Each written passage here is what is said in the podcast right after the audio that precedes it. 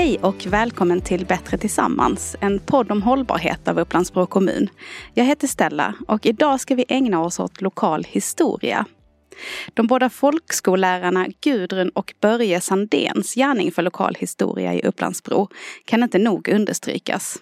De gick båda bort år 2020, 90 och 92 år gamla, men deras arbete lever kvar.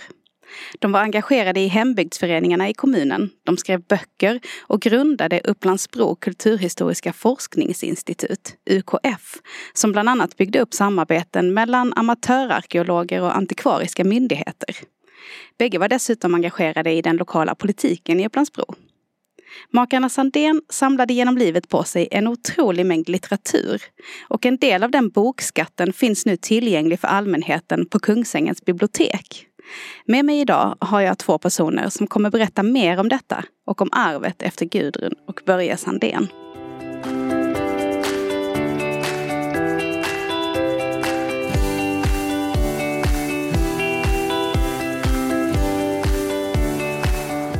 Då står jag alltså här på plan 5 i biblioteket i Kungsängen tillsammans med Olof Språng som är bibliotekschef i kommunen. Eh, och med Sofie En Hedin som sitter i styrelsen för Upplandsbro kulturhistoriska forskningsinstitut. Eh, och du är också forskningsbibliotekarie i grunden. Välkomna hit eh, båda två. Jag tänkte börja med dig Olof, att be dig berätta vad det är vi står eh, framför för hylla här. Vad är det vi har bredvid oss? Ja, det här är makarna Sandéns boksamling. Det är alltså 400 volymer som tillhörde Gudrun och Börje Sandén. Eh, och eh, när Börje fyllde 90 år då gav kommunen ett löfte om att vi skulle sörja för att underhålla och bevara hans böcker. Och då kommer vi ju genast in på vilka var Gudrun och Börje Sandén. Och de är ju väldigt kända det här paret i kommunen. Varför är de det? Vad är det de har ägnat sig åt till stor del i, eh, i sitt liv? De har ägnat sig åt lokalhistorisk forskning med betoning då på fornforskning skulle jag vilja säga. Men de har ju också varit lärare båda två så de har ju haft väldigt många elever som finns kvar här och som minns dem. Och eh, jag själv var ju elev eh, till Börje 1900. Jag gick i årskurs 3 till 6 för Börje, början på 60-talet. Och eh, han var en underbar lärare. Vi hade en återträff för några år sedan och hela klassen nästan dök upp och sa att vi hade haft en fantastisk skolgång. Börje var som lärare glad och sträng, vilket jag tycker är en oslagbar kombination. Vad var det för skola måste jag ju fråga då som ni gick på? Ja, det var lite intressant för att skol, det är Säbyholmsskolan och det är inte det som är naturbruksgymnasium utan det är den byggnad som är, tillhör Tamsviks kursgård nu. Där var en gammal B-skola som, som vi bussades ut till på 60-talet när Bro växte väldigt snabbt och man hann inte att bygga skolor i takt med antal barn. Så att vi var 40 ungar, två klasser som gick där ute i en idyll nära en, en kohage och nära runstenar vilket präglade oss tror jag väldigt mycket, åtminstone mig. Um, och uh, då, eh, de har alltså ägnat sig mycket åt lokalhistoria eh, från forntiden eh, till största del. Eh, och jag gissar då att eh, de här böckerna mycket handlar om det. Vad kan du säga? Du började där Olof med att berätta att när eh, Börje Sandén fyllde 90 då hände någonting. Ja, vi, vi tog ju över samlingen då. Då hade ju Börje pratat eh, redan tio år tidigare med mig om eh, sina samlingar och bjöd hem mig till, sin, till deras eh, eh radhus bort på Målarvägen. Som ju var fyllt till bristningsgränsen. På inte, inte alls rörigt sätt ska tilläggas för att allting fanns noga kartlagt och klassificerat var, var all informationen fanns. Eh, men det, böcker och dokument och permar till förbannelse, de trängdes. Och jag var helt överväldigad och sa detta att det här är en guldskatt verkligen på alla sätt men kanske inte någonting för ett folkbibliotek i norra Uppland. Eh, jag kunde se det med en gång att här fanns massor med, med material som ett folkbibliotek skulle ha mycket glädje av. Men också mycket material som behövde samlas för sig så att de inte försvinner. Det, det, det var någonting som var viktigt. Men vad är det då eh, som eh, biblioteket som ni har valt ut antar jag i denna stora eh, skatt? Eh, och som nu finns alltså tillgängligt för alla Upplandsbrobor och ja. den som är intresserad. Ja, vi pratade om det där, eh, Börje och jag. Och eh, förlagen, eller förebilden till det här, det är ju Svängårdssamlingen. Vi sitter i Svängårdsrummet här nu på plan 5 i biblioteket. Och Herman Svengård han var ju den stora mecenaten när det gällde att skriva kommunens historia. Han pumpade in pengar i hembygdsföreningarna och lät skriva den tidigaste historien. Men eh, när han, lät, eh, när han donerade sin samling till biblioteket 1971 då var, det, då var hans krav att det inte fick lånas ut några böcker. Eh, så alla de böckerna vi ser här de är referensböcker. De är noga inlåsta i skåp som du ser här borta. Eh, och för Börje var det någonting annat. Han ville att hans samlingar skulle vara aktiva. Att de skulle komma till glädje för folk. Och eh, vi vet också om att idag så är det inte så lätt helt enkelt att sitta i ett läsesal och tillägna sig de här böckerna. För lokalforskarna, de måste kunna låna hem dem för att faktiskt tillägna sig innehållet. Så att det är det vi har gjort med den här samlingen. De ska gå att låna hem. De är klassificerade och de finns i vår katalog och är sökbara där. Sen är det ju många av de här böckerna som vi ser här, de har ändå en referensetikett på sig. I det fallet de är så sköra så vi upplever att det skulle, de skulle ta för stor skada att lånas hem. Eller att de är så pass unika i sitt slag så att det skulle vara väldigt svårt för oss att ersätta dem ifall de försvinner. Kan du säga någonting om eh, innehållet lite mer? Vad är det man kan få lära sig om man eh, börjar grotta ner sig i denna tre hyllor stora samling ja. som det ju ändå är alltså. Ja, men det är det som är så fascinerande för att det är böcker i alla de olika ämnena. Eh, och alla böckerna har kanske inte direkt anknytning till Upplandsbro men är av värde om du ska forska vidare om hålvägar till exempel som är en stor grej när det gäller Upplandsbros historia. Då finns det böcker att leta om här. Eh, det finns böcker om Trojaborgar och det finns böcker om Ekhammarskrigaren och, och sådana här saker. Eh, och allt det här, innehållet i de här böckerna är bearbetade utav Börje och Gudrun också, vilket är så intressant. Jag har här en bok framför mig som är Nils Ahnlunds Stockholms historia före Gustav Vasa. Och den är jätteintressant för slår man upp den boken så upptäcker man att den är läst många gånger. Och i den första gången så har den här säkert läst någon gång på 50-talet utav Börje. Och då strök han under med, med eh, blyertspenna. Sen så ser man detta att på 70 80-talet så har han läst den igen och då har han strukit under med, med rött bläck. Och sen på 80 och 90-talet då kommer de här understrykningspennorna igång också. Så ser man, det är tredje läsningen och det är nya saker som man poängterar. Och det här är en guldgruva. Därför att du, du kan det är inga, inga dumheter han strukit under utan det är högst aktiva iakttagelser av de här. Så, så, han har gjort eh, lite jobbet här i, till den som är intresserad av historien. Man får liksom, eh, det underlättar för läsaren att ta till sig det. Och det är, vilket jobb sen. Därför att det här, det, här börjar, det här börjar med det, men det slutar inte med det. För eh, 2021 2000, ja, 2019 så började han då en, en ordentlig kartläggning av sina böcker och la upp ett register där han skrev en kort beskrivning för alla intressanta volymer. Vad det är för någonting just i den som är intressant för en hembygdsforskare för Upplandsbro. Och det är ju framförallt de böckerna vi har valt ut till den här serien, till, till, till den här samlingen. Han eh, jobbade ju med den här ifrån 2019 ända fram till sin död. Och när han dog, då hade han gått igenom hela sitt bibliotek och det var två stycken hyllor som inte var kartlagda.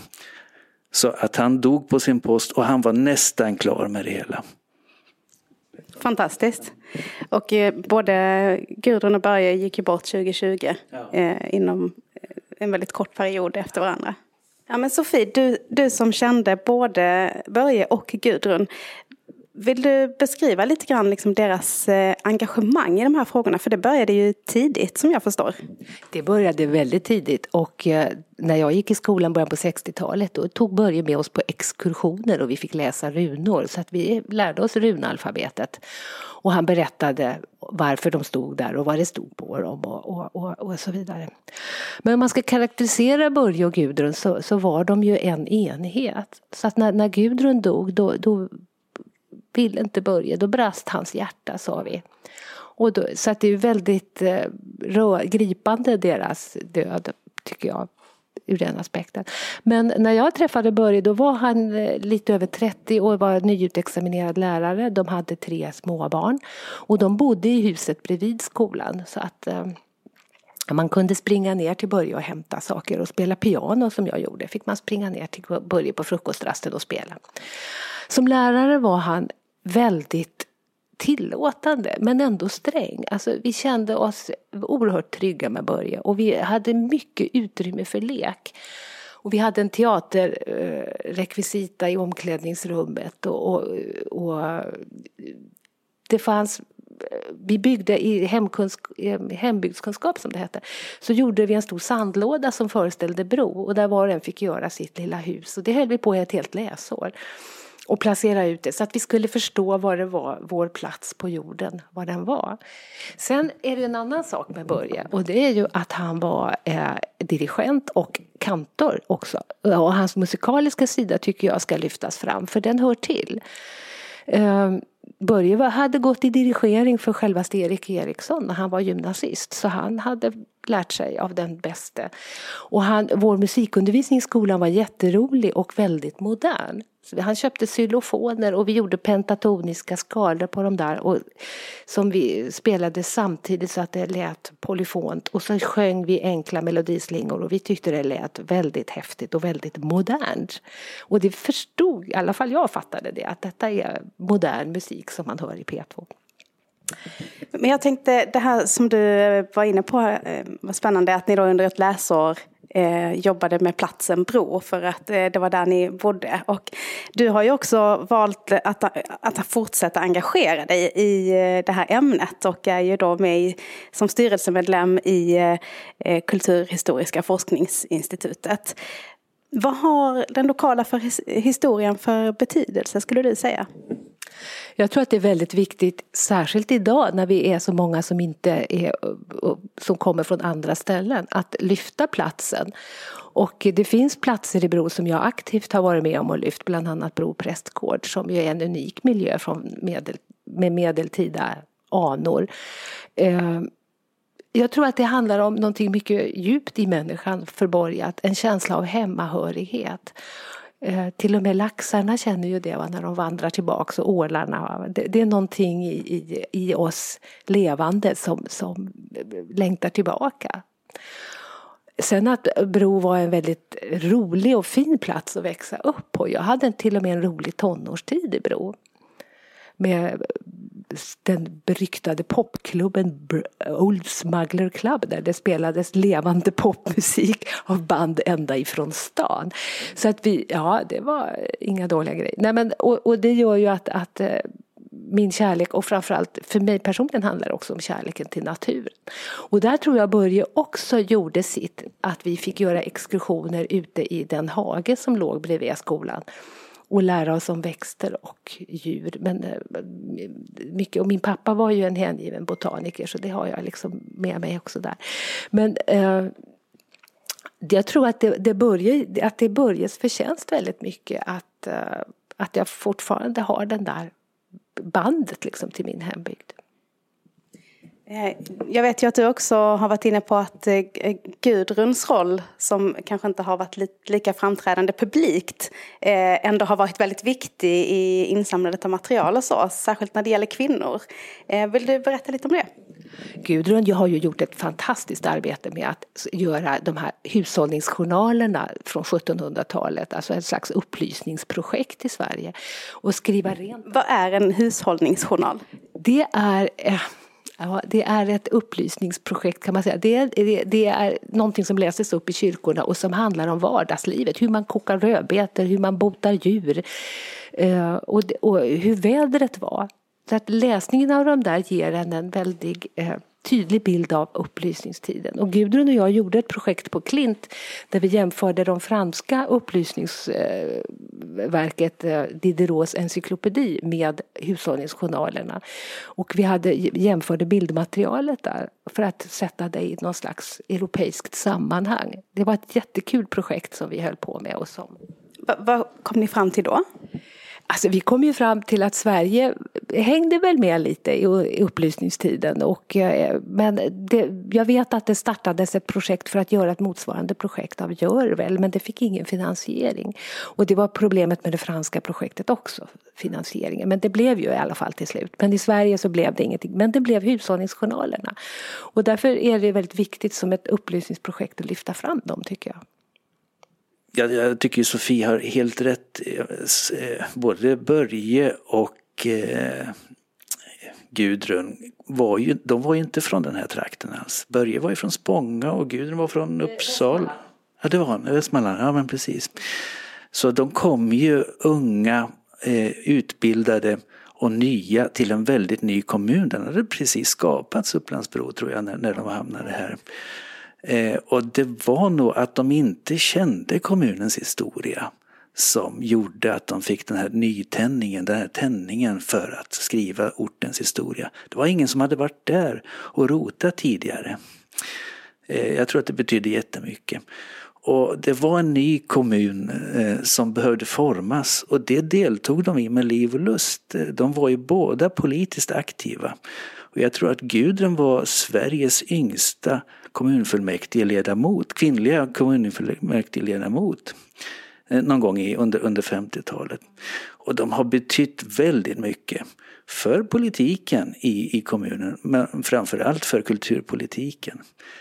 Allting som vi gör idag, det kan man säga, jo jo, men det där gjorde ju Börje redan på 70-talet. Han var eh, inte främmande för innovationer och tänkte utanför boxen nästan hela tiden sättet som han med, eh, liksom medvetandegjorde kommunens historia är helt unik måste jag säga. Han arrangerade konserter på, på ställen där man inte kunde ha konserter. Han gjorde ångbåtsturer på Mälaren där han hade temadagar om kommunen. Eh, nej, så att, eh, ja, precis. Bussresor, cykelturer med fjärdeklassbarn. Eh, UKF hade också en, eh, där jag var projektledare för, en, en uppsättning av pjäsen Håtunaleken för fjärdeklassare. Men du får nästan beskriva vad det är för någonting. Håtunaleken, anledningen till att vi satte upp den det var för att det var sju år sedan, 700 år sedan som det inträffade. Att eh, kung Birgers bröder gjorde upp, uppror. De blev, bjöd sig själva på gästabud till, till Håtuna och där de tillfångatog kungen och eh, drottning Märta och eh, be, eh, satte dem på fästning eh, i Nyköping och sen hämnades Birger och låste in sina bröder i Nyköping och slängde nyckeln i sjön. Så det är ju mycket dramatisk 1300-tals historia så, som fortfarande finns. Och om kyrkan i Håtuna kunde prata så hade det nog en hel del att berätta om den där händelsen.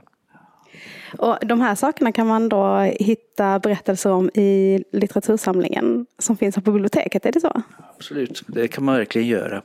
Och man kan med fördel läsa Börjes egna böcker här naturligtvis. Han har ju skrivit eh, Det hände i Upplandsbro nästan på helt egen hand. Han fick i uppdrag av kommunen att skriva dess historia 1982 tror jag. Och det är fortfarande standardverket. Det finns ingen som slår Börje på fingrarna när det gäller historien idag. Så där skulle verkligen behövas en, en nyskrivning men samtidigt så är den fullödig måste jag säga på många sätt. Och det ska ju sägas om Börje att han hade ett nästan encyklopediskt minne. Det var en helt fascinerande upplevelse att få vara med på en föreläsning av honom. För den var inte spikrak.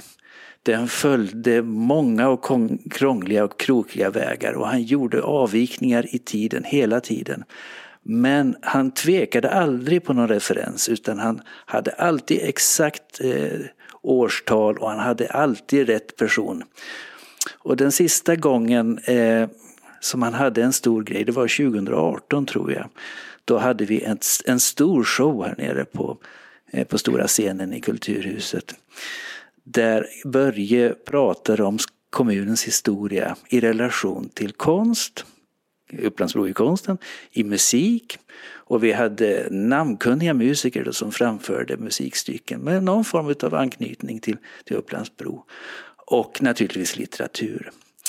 Och det var en fantastisk show eh, och eh, han öste ur sitt encyklopediska minne. Men han tvekade på ett par årtal. Och efteråt så sa han till mig, ja, jag börjar bli gammal. Men det var inte illa för han var väl vadå 88? 89, 88, 89. Ja, precis. Så, så att han, han, han, fick väl vara detta för jag menar han, han tvekade ytterst, ytterst sällan på de här sakerna. Fantastiskt. 2018 var ju också det år som kommunen instiftade ett stipendium eh, till makarna Sandéns ära som heter just Sandénstipendiet. Eh, kan du berätta lite om det, Sofie? Ja, det delas ut till någon som eh, har arbetat i Gudrun och Börjes anda. Och det är ju någonting som vi vill göra i föreningen också, att, att arbeta i deras anda. Det är, det är väldigt viktigt. Det som var det som var deras anda väldigt mycket, det är ju deras outtröttlighet och entusiasm. Jag har aldrig träffat två små sådana åldringar som har fått mig på så gott humör och fått den att känna sig så ung som dem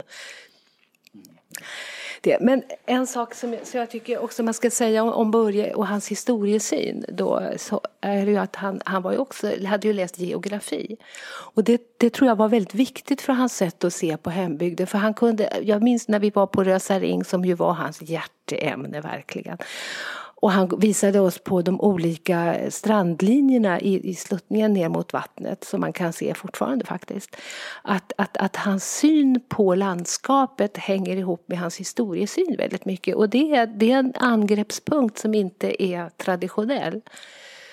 Uh, och där tror jag att, att han med vattenvägar och isbildningar och, och eh, trånga passager och sådana saker, att han har lagt till historieforskningen ett eh, moment av naturiakttagelser som, som är inte helt oväsentliga faktiskt. För vårt land är inte stabilt, det höjer sig ju lite grann. Då. Och det påverkar, på 500 år hinner det ju hända mycket med en, en vattensund eh, till exempel. Så det blir ytterligare en dimension kan man säga? Ja, det gör det. Och, och Börje var ju inte rädd för att gå i clinch heller med den traditionella historieforskningen och där stötte han ju på patrull och det, det är inte någon lätt sak. Men han var väldigt modig va, som vågar stå på sig och, och och jag tror att historieforskning är ju ett knepigt fält. Va? Men man måste ha belägg för allt man säger i stort sett. Men Börje eh, angrep det på ett annat sätt. Va? Han, han tittade på kartor och han, han var ju ute och cyklade i naturen och gick och promenerade och såg hur det såg ut. Och där tror jag lokalhistorien har sin styrka. Att vi är här på plats. Vi vet hur det ser ut och vi, vet, och vi har hört våra förfäder berätta. Och, mormor berättade när man slog gäddor nere där de har, tror att man kan bygga en järnvägstunnel idag va? och fattar inte varför det kommer så mycket vatten. Eh, och sådana saker. Så att, eh, ja. Eh, jag tänkte, eh, kan du ge något exempel på någonting som eh, just kanske makarna Sandén var med och liksom, upptäckte för, för vår nutid som har haft särskild betydelse? Börjes eh, hjärtebarn det var ju Rösaring och Rösaring är en ås som ligger nere om man åker förbi Lossa kyrka och fortsätter på den här knöliga grusvägen eh, och kör till höger i korset efter kyrkan så kommer man till en, en grusås som hänger ihop med ett komplex av andra åsar. Och dit gjorde vi exkursioner i skolan då, när jag var barn. Och eh, där finns det två labyrinter som, som, eh, och, och flera gravhögar. Och det där är ju intressant. Eh, om man kommer sjövägen och åker förbi så ligger det flera gravställen ut med vattnet. Bland annat Husby i Bro och Asker i Kungsängen. Så det är ett band av kultplatser som låg ut med dåvarande vattenlinje skulle jag säga. Och den där, den där platsen var ju Börjes eh, hjärtprojekt kan man väl säga. Och han har beskrivit de kult kult eh, som var troligt utövades där uppe och, och, och så vidare. Så där har, där har han väl lyft verkligen den platsen. Olof, du var ju inne på eh, att biblioteket eh, fick det här uppdraget eller förtroendet för några år sedan. Eh, men den här samlingen som står på hyllorna nu, det är ganska nytt på Kungsängens bibliotek. Vill du berätta? Ja, det hela hängde ihop med att böckerna som vi ser idag, de fanns ju hemma hos Börje och Gudrun ända fram tills det att de gick bort. Eh, och eh, tre månader innan de gick bort så hörde Börje av sig och sa att nu, nu blir det bli dags eh, att lämna över de här böckerna. Och han satte då igång att eh, forcera den här kartläggningen utav dem och skriva ett index helt enkelt på vad som står i böckerna. Eh, och efter det att han, gick, han och Gudrun gick bort eh, så hörde UKF och Göran Sandén av sig och sa att nu, nu är det dags att ni, att ni tar över samlingen. Så att jag och Ulrika Karén vi satt i tre veckor i Börje och Gudruns lägenhet och gick igenom hela deras samlingar och valde ut vad som skulle komma. Och det var ju en sorglig känsla samtidigt som det var otroligt lustfull för att man kom verkligen historien nära och man kom Börje och Gudrun nära på ett fantastiskt sätt måste jag säga. Ja, då vill jag eh, tillägga då att det, ni tog ju inte allt. Nej. Nej, utan det finns en hel del kvar och det, den har jag förtecknat på, i, i den ordning som jag plockar ner dem från hyllorna i stort sett.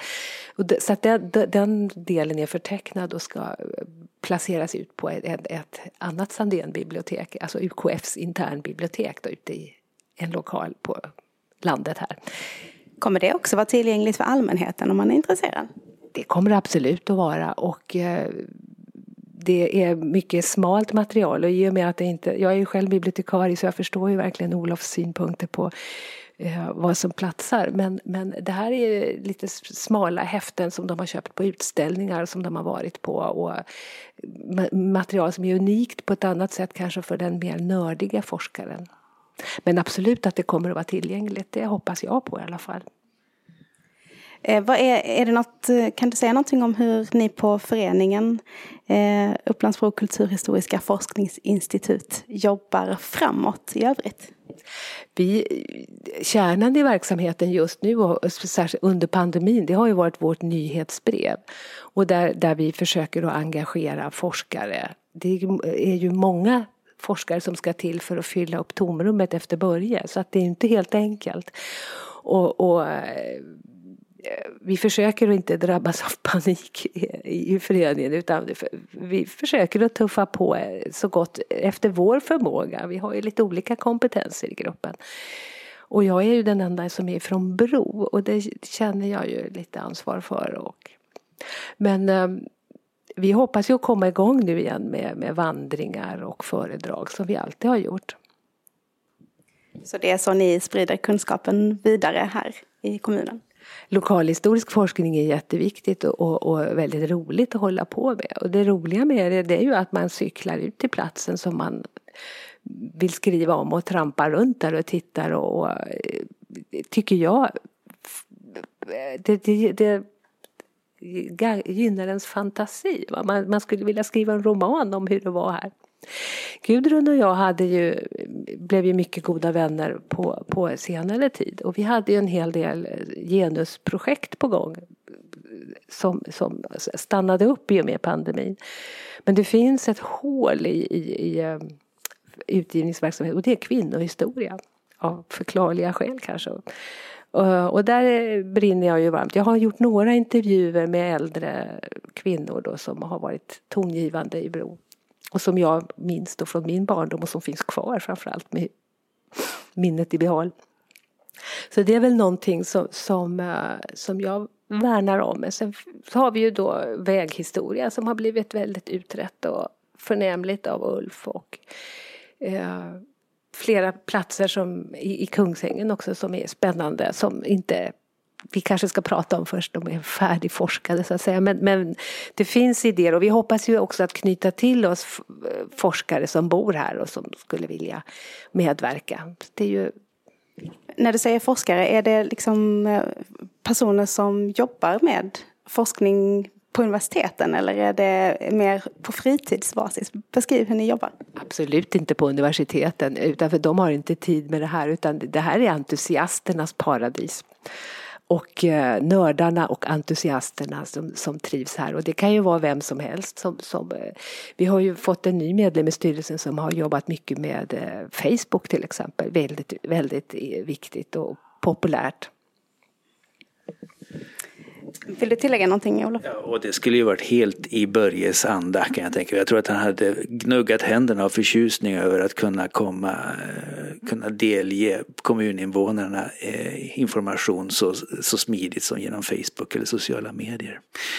Eh, så ska man ju tänka på det att Börje och Gudrun de dokumenterade ju sin kunskap i jättestor utsträckning. De skrev böcker, de fick böcker skrivna. UKFs hemsida är ju Börjes eh, stora bedrift tycker jag. Den innehåller så mycket material. Så har man en fråga om kommunens historia så får man ofta svar på den här.